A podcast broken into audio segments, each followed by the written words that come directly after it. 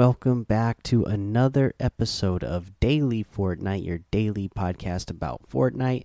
I'm your host, Mikey, aka Mike Daddy, aka Magnificent Mikey.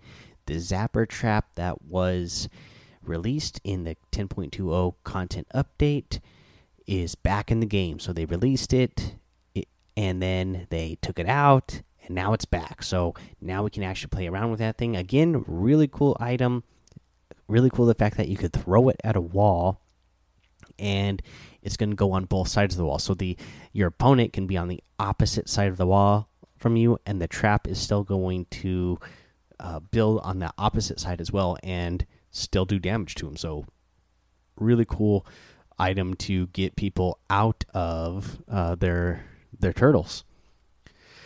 Now that's the only real news i got for you today. Uh, there's I'll, I'll, do one of the prestige challenges. So for one of the prestige challenges, you need to consume uh, fruit, mushrooms, or glitched forage items in a single match.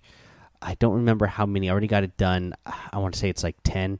This is really, again, really easy to do if you head over to Lonely Lodge.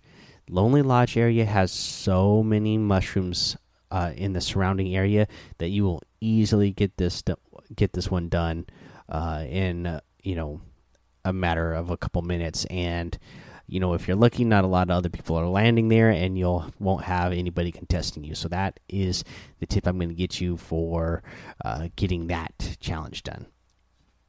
Uh, but yeah that's you know that's all we really have for news today. And uh, a challenge tip. So we're going to go ahead and take our break here and then we'll come back go over that item shop and our tip of the day as well all right, let's get to the item shop. The item shop today, again, uh, a really full item shop.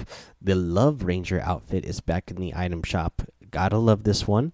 Gotta love those Love Wings back bling that it comes with as well. Uh, let's see here the Tat Axe harvesting tool. You have the Omen outfit and that Oracle Axe harvesting tool that I'm such a big fan of. You have the Sanctum outfit and the Moonrise harvesting tool. You have the wingtip outfit. I'm a big fan of this outfit for sure.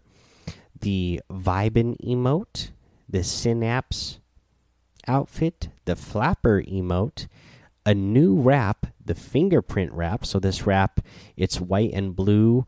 Uh, the the main part of your item being white, and then the fingerprint um, pattern is in that light blue color. And then we have a new music for your lobby, the Llama Beat. And uh, this is the one that is from the emote, the uh, Llama Bell, where your character is banging on that uh, llama bell for for more llama bell, of course. And uh, yeah, that's the item shop. That looks like that's everything in the item shop today. So if you are going to get any of these items in the item shop today, I would really appreciate it if you use that creator code Mike Daddy M M M I K E D A D D Y in the item shop, as it does help support the show. Now, again, we just got 10.20 content update. We mentioned that floating island that's in the game.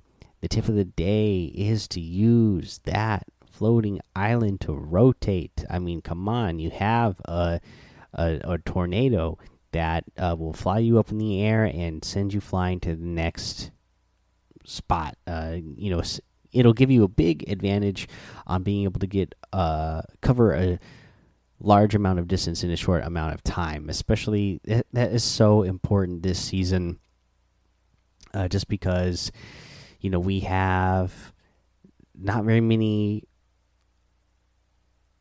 uh, rotation items in the game right now. Uh, not a lot of mobility items in the game.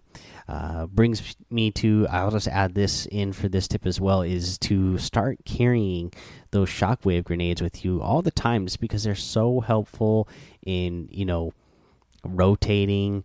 Uh, you can get a pretty far distance, and then not to mention that how helpful they can be in the end game because you can break through people's builds and get yourself to your next des destination, be able to move safely. So, uh, you know, another little tip for this one is to start carrying those shockwave grenades uh, just for more rotation. I I've been starting to carry them a lot more uh, lately.